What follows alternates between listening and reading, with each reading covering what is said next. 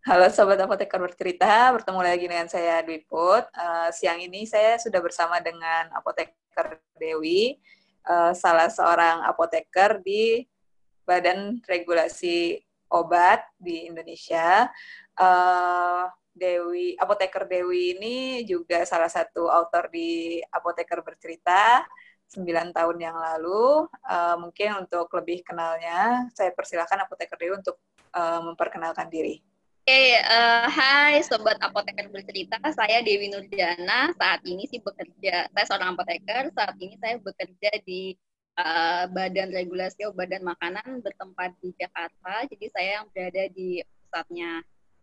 Ini uh, berarti selama 9 tahun semenjak kita lulus, ini pengalaman pekerjaannya Apoteker Dewi sudah apa saja ya? 9, 9 tahun ya sebenarnya ketika kita lulus itu sih saya pernah bekerja sebelumnya di swasta uh, di laboratorium uji klinik sekitar satu satu sampai dua tahun ya satu setengah tahunan lah. Hmm. Setelah itu baru saya uh, gabung di uh, pas saya bekerja saat ini. Kalau di badan re regulasi obat sendiri kan itu banyak macam pekerjaannya ya. Kalau apoteker Dewi sendiri sebenarnya di bagian apa ya? Jadi kalau untuk yang uh, sekarang memang uh, dari awal itu kan kalau kita mengenalnya uh, badan regulasi itu memang berkaitannya dengan regulasi ya. Jadi ada banyak uh, bagian yang bisa uh, untuk berkarir untuk apoteker dan memang sebenarnya kalau uh, yang tempat saya bekerja ini memang keba hampir sebagian besar ini adalah isinya uh, apoteker.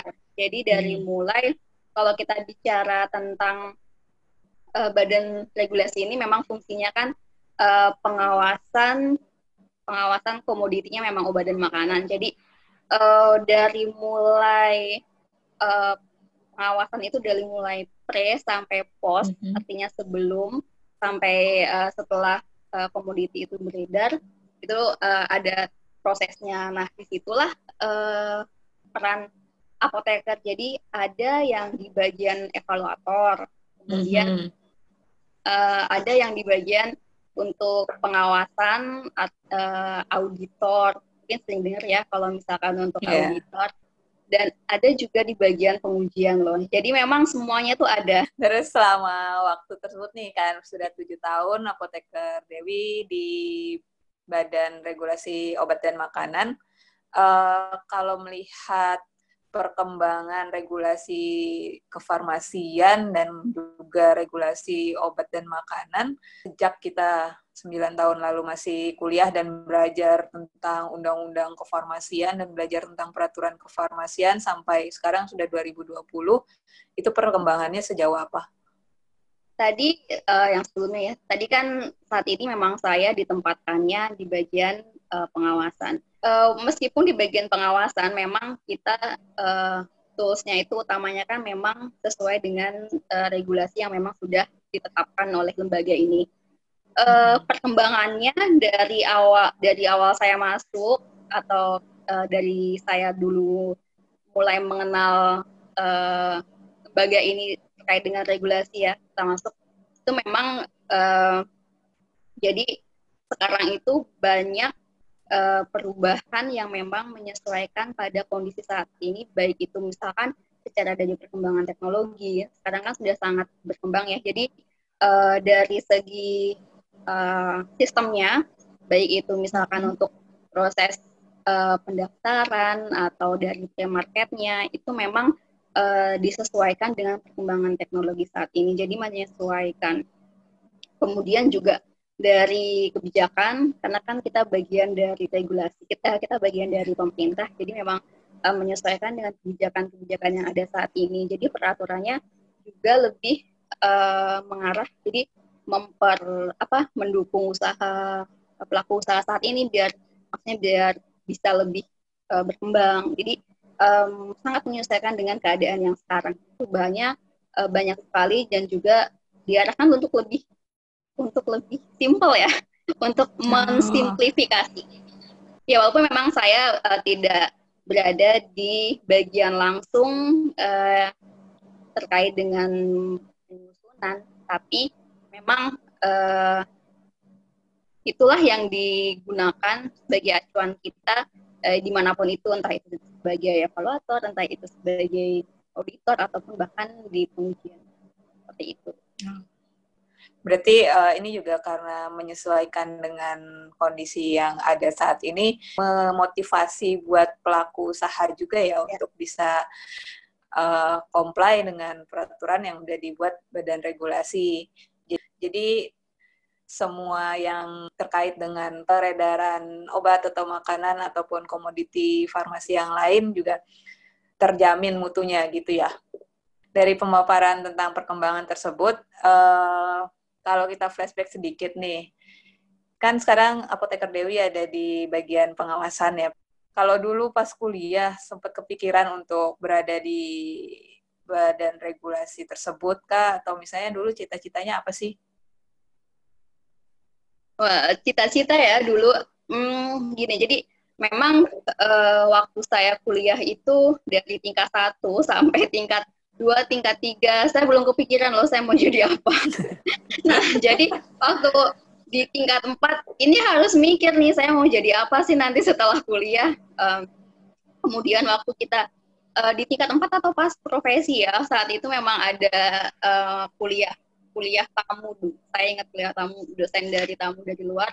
Kebetulan memang beliau itu dosennya itu dari lembaga yang saat ini saya bekerja sekarang dan uh, ya beliau memberikan wawasan, memberikan info-info terkait dengan lembaga ini dan dari penjelasan beliau itu saya masih ingat tuh tentang uh, saya masih ingat beberapa poin maksudnya tentang regulasi ya memang saya jadi hmm. kayak tentang peraturan ini peraturan peraturan tentang peredaran peraturan tentang pengawasan nah dari situ tuh jadi kayak saya tuh tertarik tertarik dengan uh, dengan apa yang beliau sampaikan yaitu tentang peraturan.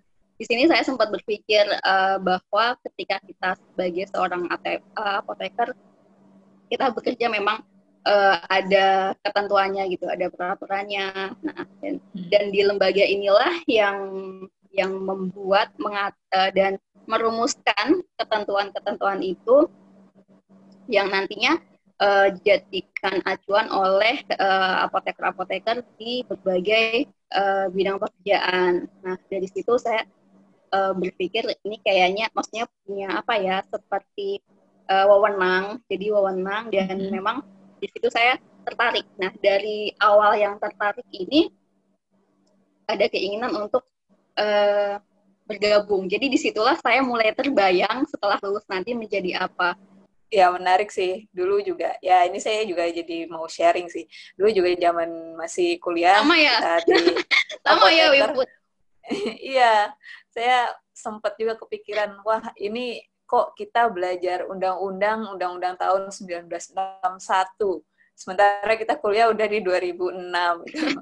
ini uh, relevansinya gimana? Itu tuh dulu pikirannya kayak gitu sih. Terus kita udah jauh loh melangkah gitu kan. Kok peraturannya masih tetap jalan di tempat gitu. Sempat sih kepikiran seperti itu. Bahkan ya mau nggak mau sih memang harus ada orang-orang yang seperti apoteker Dewi ini bercita-cita untuk berada di badan regulasi jadi nanti juga bisa memberikan masukan juga kalau misalnya ada peraturan-peraturan yang akan dikeluarkan ya itu menarik sih nah dari tadi kan awalnya cita-cita karena melihat salah seorang praktisi yang yeah. pernah mengajar ya di zaman hmm. kuliah. Sekarang apoteker Dewi udah ada di dalam badan regulasi nih. Apakah uh, realita yang dihadapi saat ini itu sudah sesuai dengan ekspektasi yang apoteker Dewi harapkan di zaman masih kuliah dulu? Oke, ekspektasi ya. Hmm. Uh, ekspektasi waktu kuliah dan sekarang ya kondisi realita.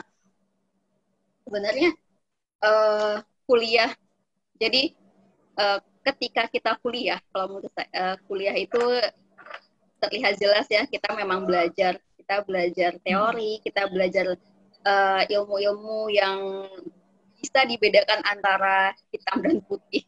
Jadi uh, yeah. ketika kita di kuliah kita sangat uh, mungkin kita punya pandangan-pandangan, punya idealisme.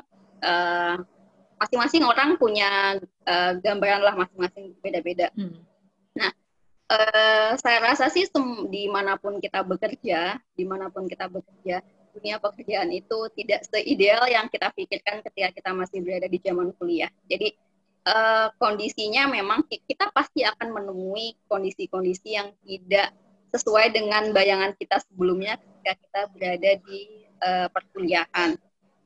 Tapi memang itulah yang harus kita hadapi di mana pun kita hmm. bekerja. Nah, Betul. masuk uh, di lembaga ini. Jadi uh, dari tuntutannya juga sudah uh, beragam ya. Kalau di sini kita ada uh, terkait dengan kebijakan, kepentingan masyarakat, kepentingan orang banyak, dan itu tidak lagi mungkin tidak seperti ketika kita kuliah ada hitam dan putih yang sangat terlihat jelas ya. Hmm, Tapi kalau di sini itu kita harus memang uh, adaptif ya kita harus bisa untuk uh, lang uh, menyesuaikan lah menyesuaikan dengan kondisi yang kita pikir itu tidak seideal yang dulu gitu yang kita tidak seideal yang dulu. Jadi ya, tapi uh, yang pasti di sini kita di mana pun penempatan kita kayak misalkan di mana pun kita bekerja ya walaupun uh, di sini uh, ya kita melakukan apa yang bisa apa yang bisa kita lakukan yang yang bisa kita lakukan yang maksimal lah ya intinya. Meskipun kita punya keinginan yang sangat besar ya mungkin kalau kita di zaman di zaman kita masih baru lulus itu saya mau masuk uh, sini saya mau saya punya harapan-harapan saya mau membuat ini saya mau merubah ini. Tapi ketika kita dihadapkan dengan kondisi dunia nyata dan kita masuk ke dalamnya uh, lakukanlah yang terbaik sih yang bisa. Setidaknya kita tidak uh, uh, yang yang mampu kita berikan untuk di mana kita uh, berada di situ gitu kan.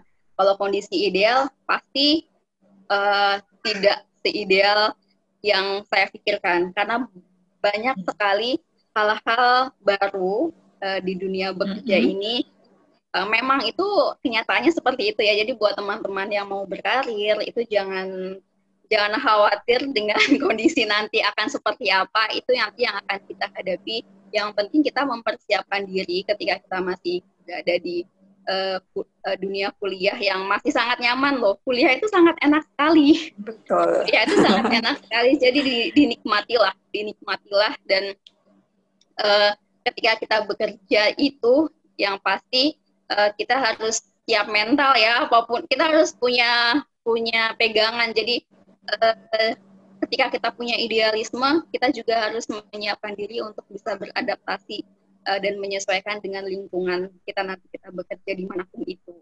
Rasa sih seperti itu, Ibu. Ya, ada yang bilang sih memang kita harus tahu idealisme supaya kita tahu mana yang benar. Tapi kalau misalnya yeah. kita dibutuhkan untuk bertindak uh, menghadapi realita, kita harus tahu juga batasan mana yang masih yeah. bisa kita lakukan itu sih mungkin ya itu sih sama ya mau di industri rumah sakit yeah. mau diregulasi semuanya pasti akan menghadapi hal itu apalagi kan memang zamannya terus berkembang kita nggak bisa yeah. memegang satu idealisme yang mungkin ditanamnya sudah lama kita juga harus tetap mikirin yang dari sekitar sih maksudnya oh udah seperti ini cara menghadapinya ya harus seperti ini juga nggak bisa kalau misalnya halnya seperti ini kita hadapi seperti itu nanti malah nggak nyambung gitu sih kalau misalnya simpelnya mungkin seperti itu ya Iya. Yeah. terus uh, challenge utamanya apa nih untuk menjadi seorang apoteker yang ada di badan regulasi challenge utama berkarir di badan regulasi jadi uh, ini sangat tergantung di mana kita ditempatkan. Ya mungkin kalau misalkan karena karena kan kalau di badan regulasi ini seperti yang tadi saya sampaikan uh, memang bisnis prosesnya atau yang ada di uh, dalam lembaga ini kan tidak hanya terkait dengan proses regulasi saja, maksudnya tidak Betul. hanya terkait dengan proses membuat regulasi, tapi di sini juga untuk uh, pengawasan, menegakkan, kemudian juga uh, di bagian yang kalau untuk teknisnya misalkan di bagian di lab, di bagian pengujian, kemudian uh, di situlah dari awal kita masuk uh, kita itu kita harus tahu. Di saat kita masuk ini ada kemungkinan memang kita akan ditempatkan uh, di berbagai tempat yang tidak terduga. Mungkin uh, di saat uh, kita masuk mungkin saya masuk ya proses rekrutmennya masih seperti itu. Jadi uh, untuk uh, siap ditempatkan di mana pun uh, terbayang hmm. kita akan ditempatkan di bagian apa saja. Karena berbeda ya kalau kita misalkan mau berkarir di dunia uh, atau di industri kita mungkin sudah kebayang uh, kita akan bertempatan di situ. Nah di sini kalau untuk di, di lembaga ini memang uh, ada di mana kita di, memungkinkan untuk ditempatkan di bagian mana pun. Uh, nah di situ karena kita itu adalah seorang apoteker yang memang dulu kita waktu kuliah itu sangat terbiasa dengan hal-hal yang sangat detail, yang hmm. sangat akurat dan rinci. Nah, di situ kadang-kadang saya merasakan untuk uh, bekerja dalam uh, kondisi yang saat ini sekarang kita harus uh, bisa lebih adaptif sih. Jadi menyesuaikan karena kalau kita jadi sangat sangat terasa ya kalau di sini itu kita berhubungan dengan banyak uh, orang dan banyak kondisi dan banyak situasi. Kadang-kadang kita harus bisa untuk lebih menyesuaikan dan uh, yang tadi saya bilang itu uh, yang kita biasa dengan yang detail, yang sangat jelimet hmm. itu memang ciri khas apoteker sepertinya. Tapi Betul. itulah kita yang harus kita bisa sesuaikan uh, di kondisi yang seperti ini ya, apalagi untuk di badan uh, regulasi ini jadi harus siap untuk mau ditempatkan di mana pun menyesuaikan. Jadi uh, rasanya mungkin sama seperti tempat lain juga. Tantangannya sih uh, memang uh, seperti itu. Kemudian uh, kalau misalkan selain selain yang di situ mungkin, mungkin uh, kita juga sering sering ditanyakan ya kalau untuk di bagian yang uh, uh, pemerintah ini kerjanya apa, mungkin sering uh, hmm. ada pendapat-pendapat yang kurang baik di masyarakat yang yang yang beredar gitu kayak misalkan uh, mungkin uh, kalau dulu zaman saya masuk itu kayak kan image-nya itu masih kerja yang santai gitu, kerja hmm. santai yang pulang on time dan ketika saya masuk uh, kok saya tidak menemukan itu ya. Jadi kalau yang sekarang itu pekerjaannya uh, sangat uh, pula saya tidak merasakan santainya yang mungkin menjadi image seorang maksudnya untuk lembaga yang di lembaga pemerintahan ya dan itu tidak ada. Mungkin tapi uh, ya itu kadang kita masih uh, dipandang uh, san, ya, uh, ya yang santai gitu. Tapi padahal ketika kita masuk di sini um, jadi tuntutan pekerjaannya juga luar biasa. Tuntutan pekerjaannya juga luar biasa. Uh, kita juga uh, targetnya juga memang uh, sudah uh, yang luar biasa juga gitu. Jadi tantangannya memang banyak. Jadi tapi itulah kondisi-kondisi itu itu sih sebenarnya justru membuat ini tuh menjadi bisa dikatakan seru ya. Jadi kayak dinamis gitu. Karena ada kekhawatiran juga buat teman-teman yang mau berkarir itu uh, saya tak uh, ada yang berpendapat takut bosan takut boring takut uh, hmm. kerjanya sangat monoton. Uh, tapi yang saya rasakan di sini padahal saya masih mengerjakan job yang sama loh. Tapi uh, teknis yang aktualnya tadi saya bilang bahwa pekerjaan yang saya lakukan secara uh, teknisnya itu sangat uh, berkembang berbeda-beda dan saya sangat merasakan itu sangat uh, dinamis jadi jauh dari monoton sebenarnya kalau di situ. Iya. Berarti kalau misalnya bisa di apa ya diambil insight-nya gitu. Kalau melihat dari tidak ada kesantaian itu juga sebenarnya bisa disandingkan dengan berarti perkembangan farmasi dan berbagai industri perbekalan farmasi dan juga makanan di Indonesia ini juga berkembang dengan pesat ya. Karena kan hal yang harus diawasi juga semakin banyak gitu. Jadi sebenarnya kayaknya itu adalah hal yang positif yang patut diketahui bersama juga gitu ya. Gitu bukan apoteker Dewi? Iya, jadi memang kalau untuk tuntutan sekarang itu memang uh, kita juga semakin berkembang ya dunia dunia yang uh, pelaku usaha juga semakin kita sebagai regulasi juga tuntutannya juga semakin tinggi. Jadi untuk memberikan uh, pelayanan yang terbaik. Jadi kita juga uh, dengan semakin banyaknya uh, pendaftar istilahnya kalau misalkan untuk uh, itu juga semakin banyak yang kita yang kita uh, awasi. Itulah mungkin juga memang tuntutannya juga semakin tinggi. Seperti itu. Iya, betul. Oke. Okay. Setelah bertahun-tahun dan sudah menghadapi realitas sebagai apoteker di badan regulasi.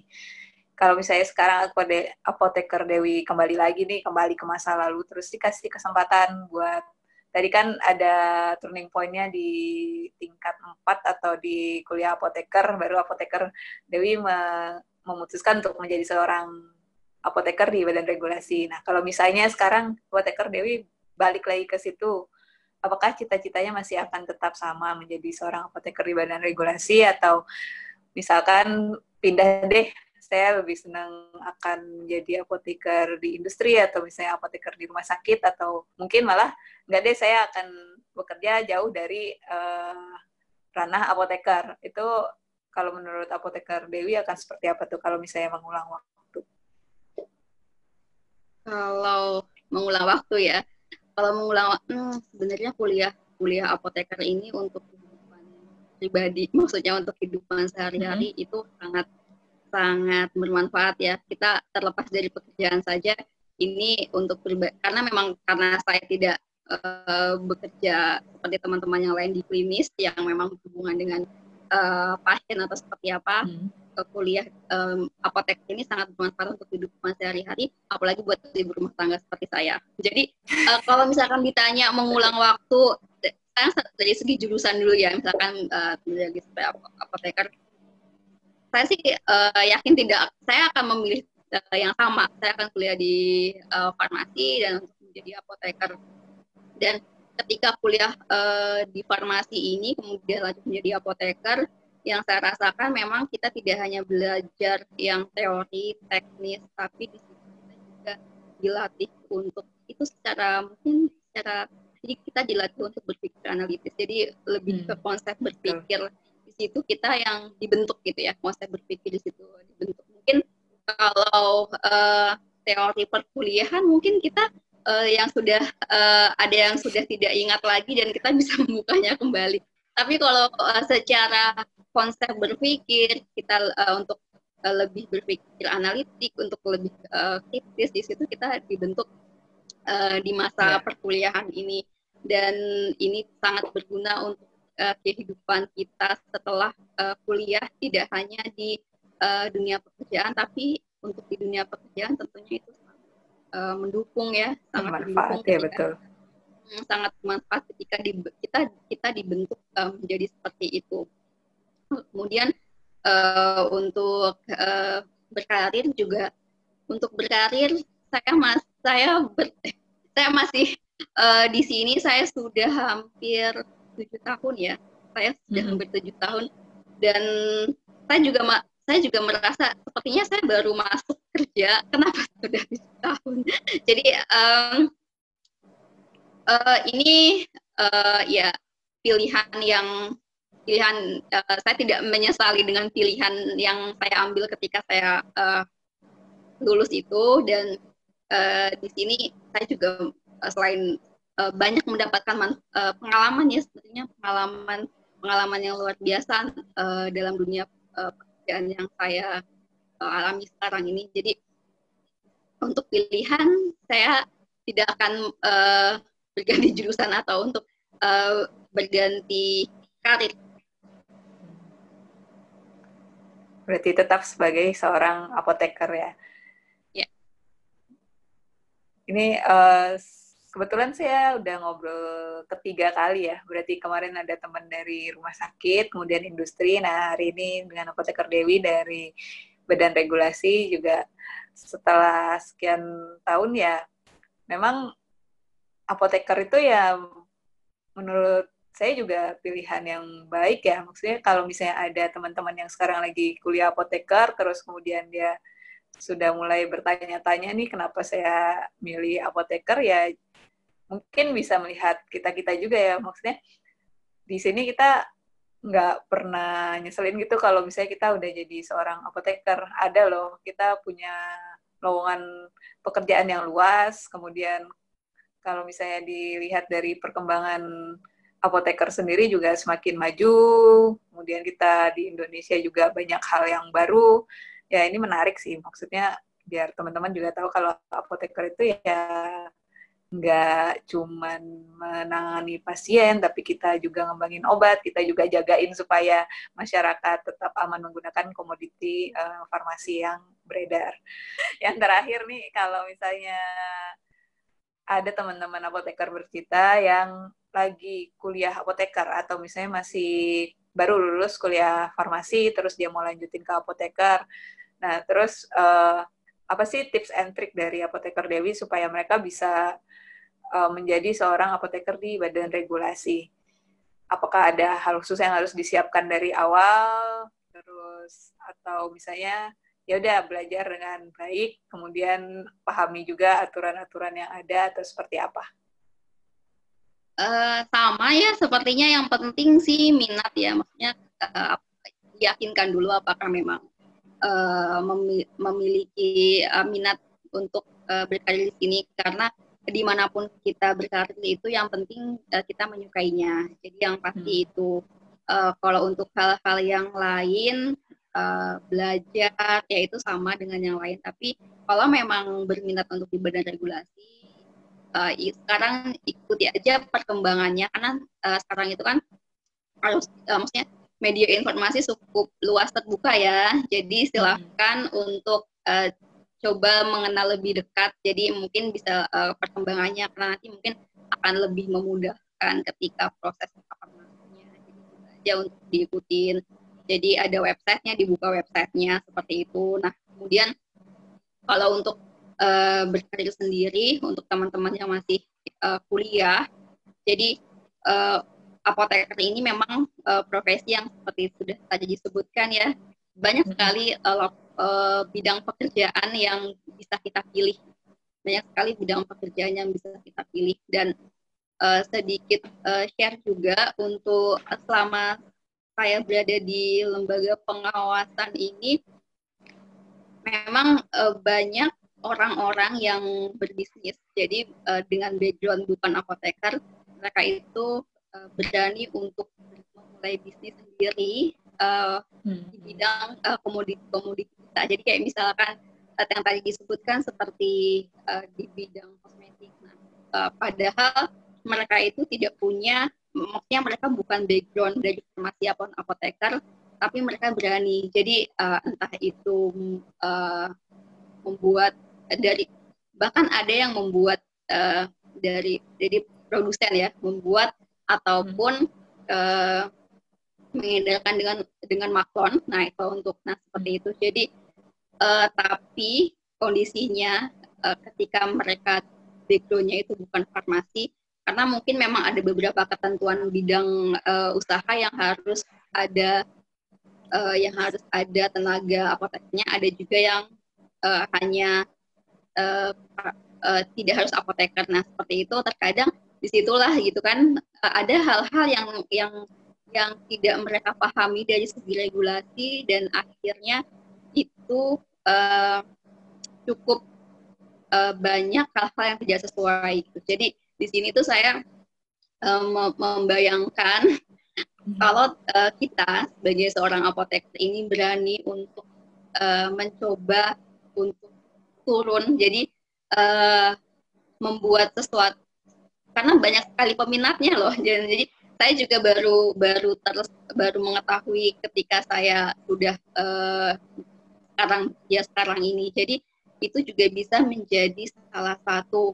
uh, tempat untuk berkarir bagi seorang apoteker. Jadi saya salut dengan orang-orang yang tidak punya background farmasi atau apoteker, tapi mereka itu uh, berbisnis di ranah itu. Sedangkan kita yang punya uh, punya keahlian, kita punya background dan kita punya basic itu uh, harusnya kita bisa lebih uh, berani ya, bisa lebih berani hmm. dan bisa menghasilkan yang lebih baik. Nah itu uh, saya sampaikan buat teman-teman kita yang masih kuliah ataupun sedang apoteker itu uh, bisa jadi salah satu pilihan.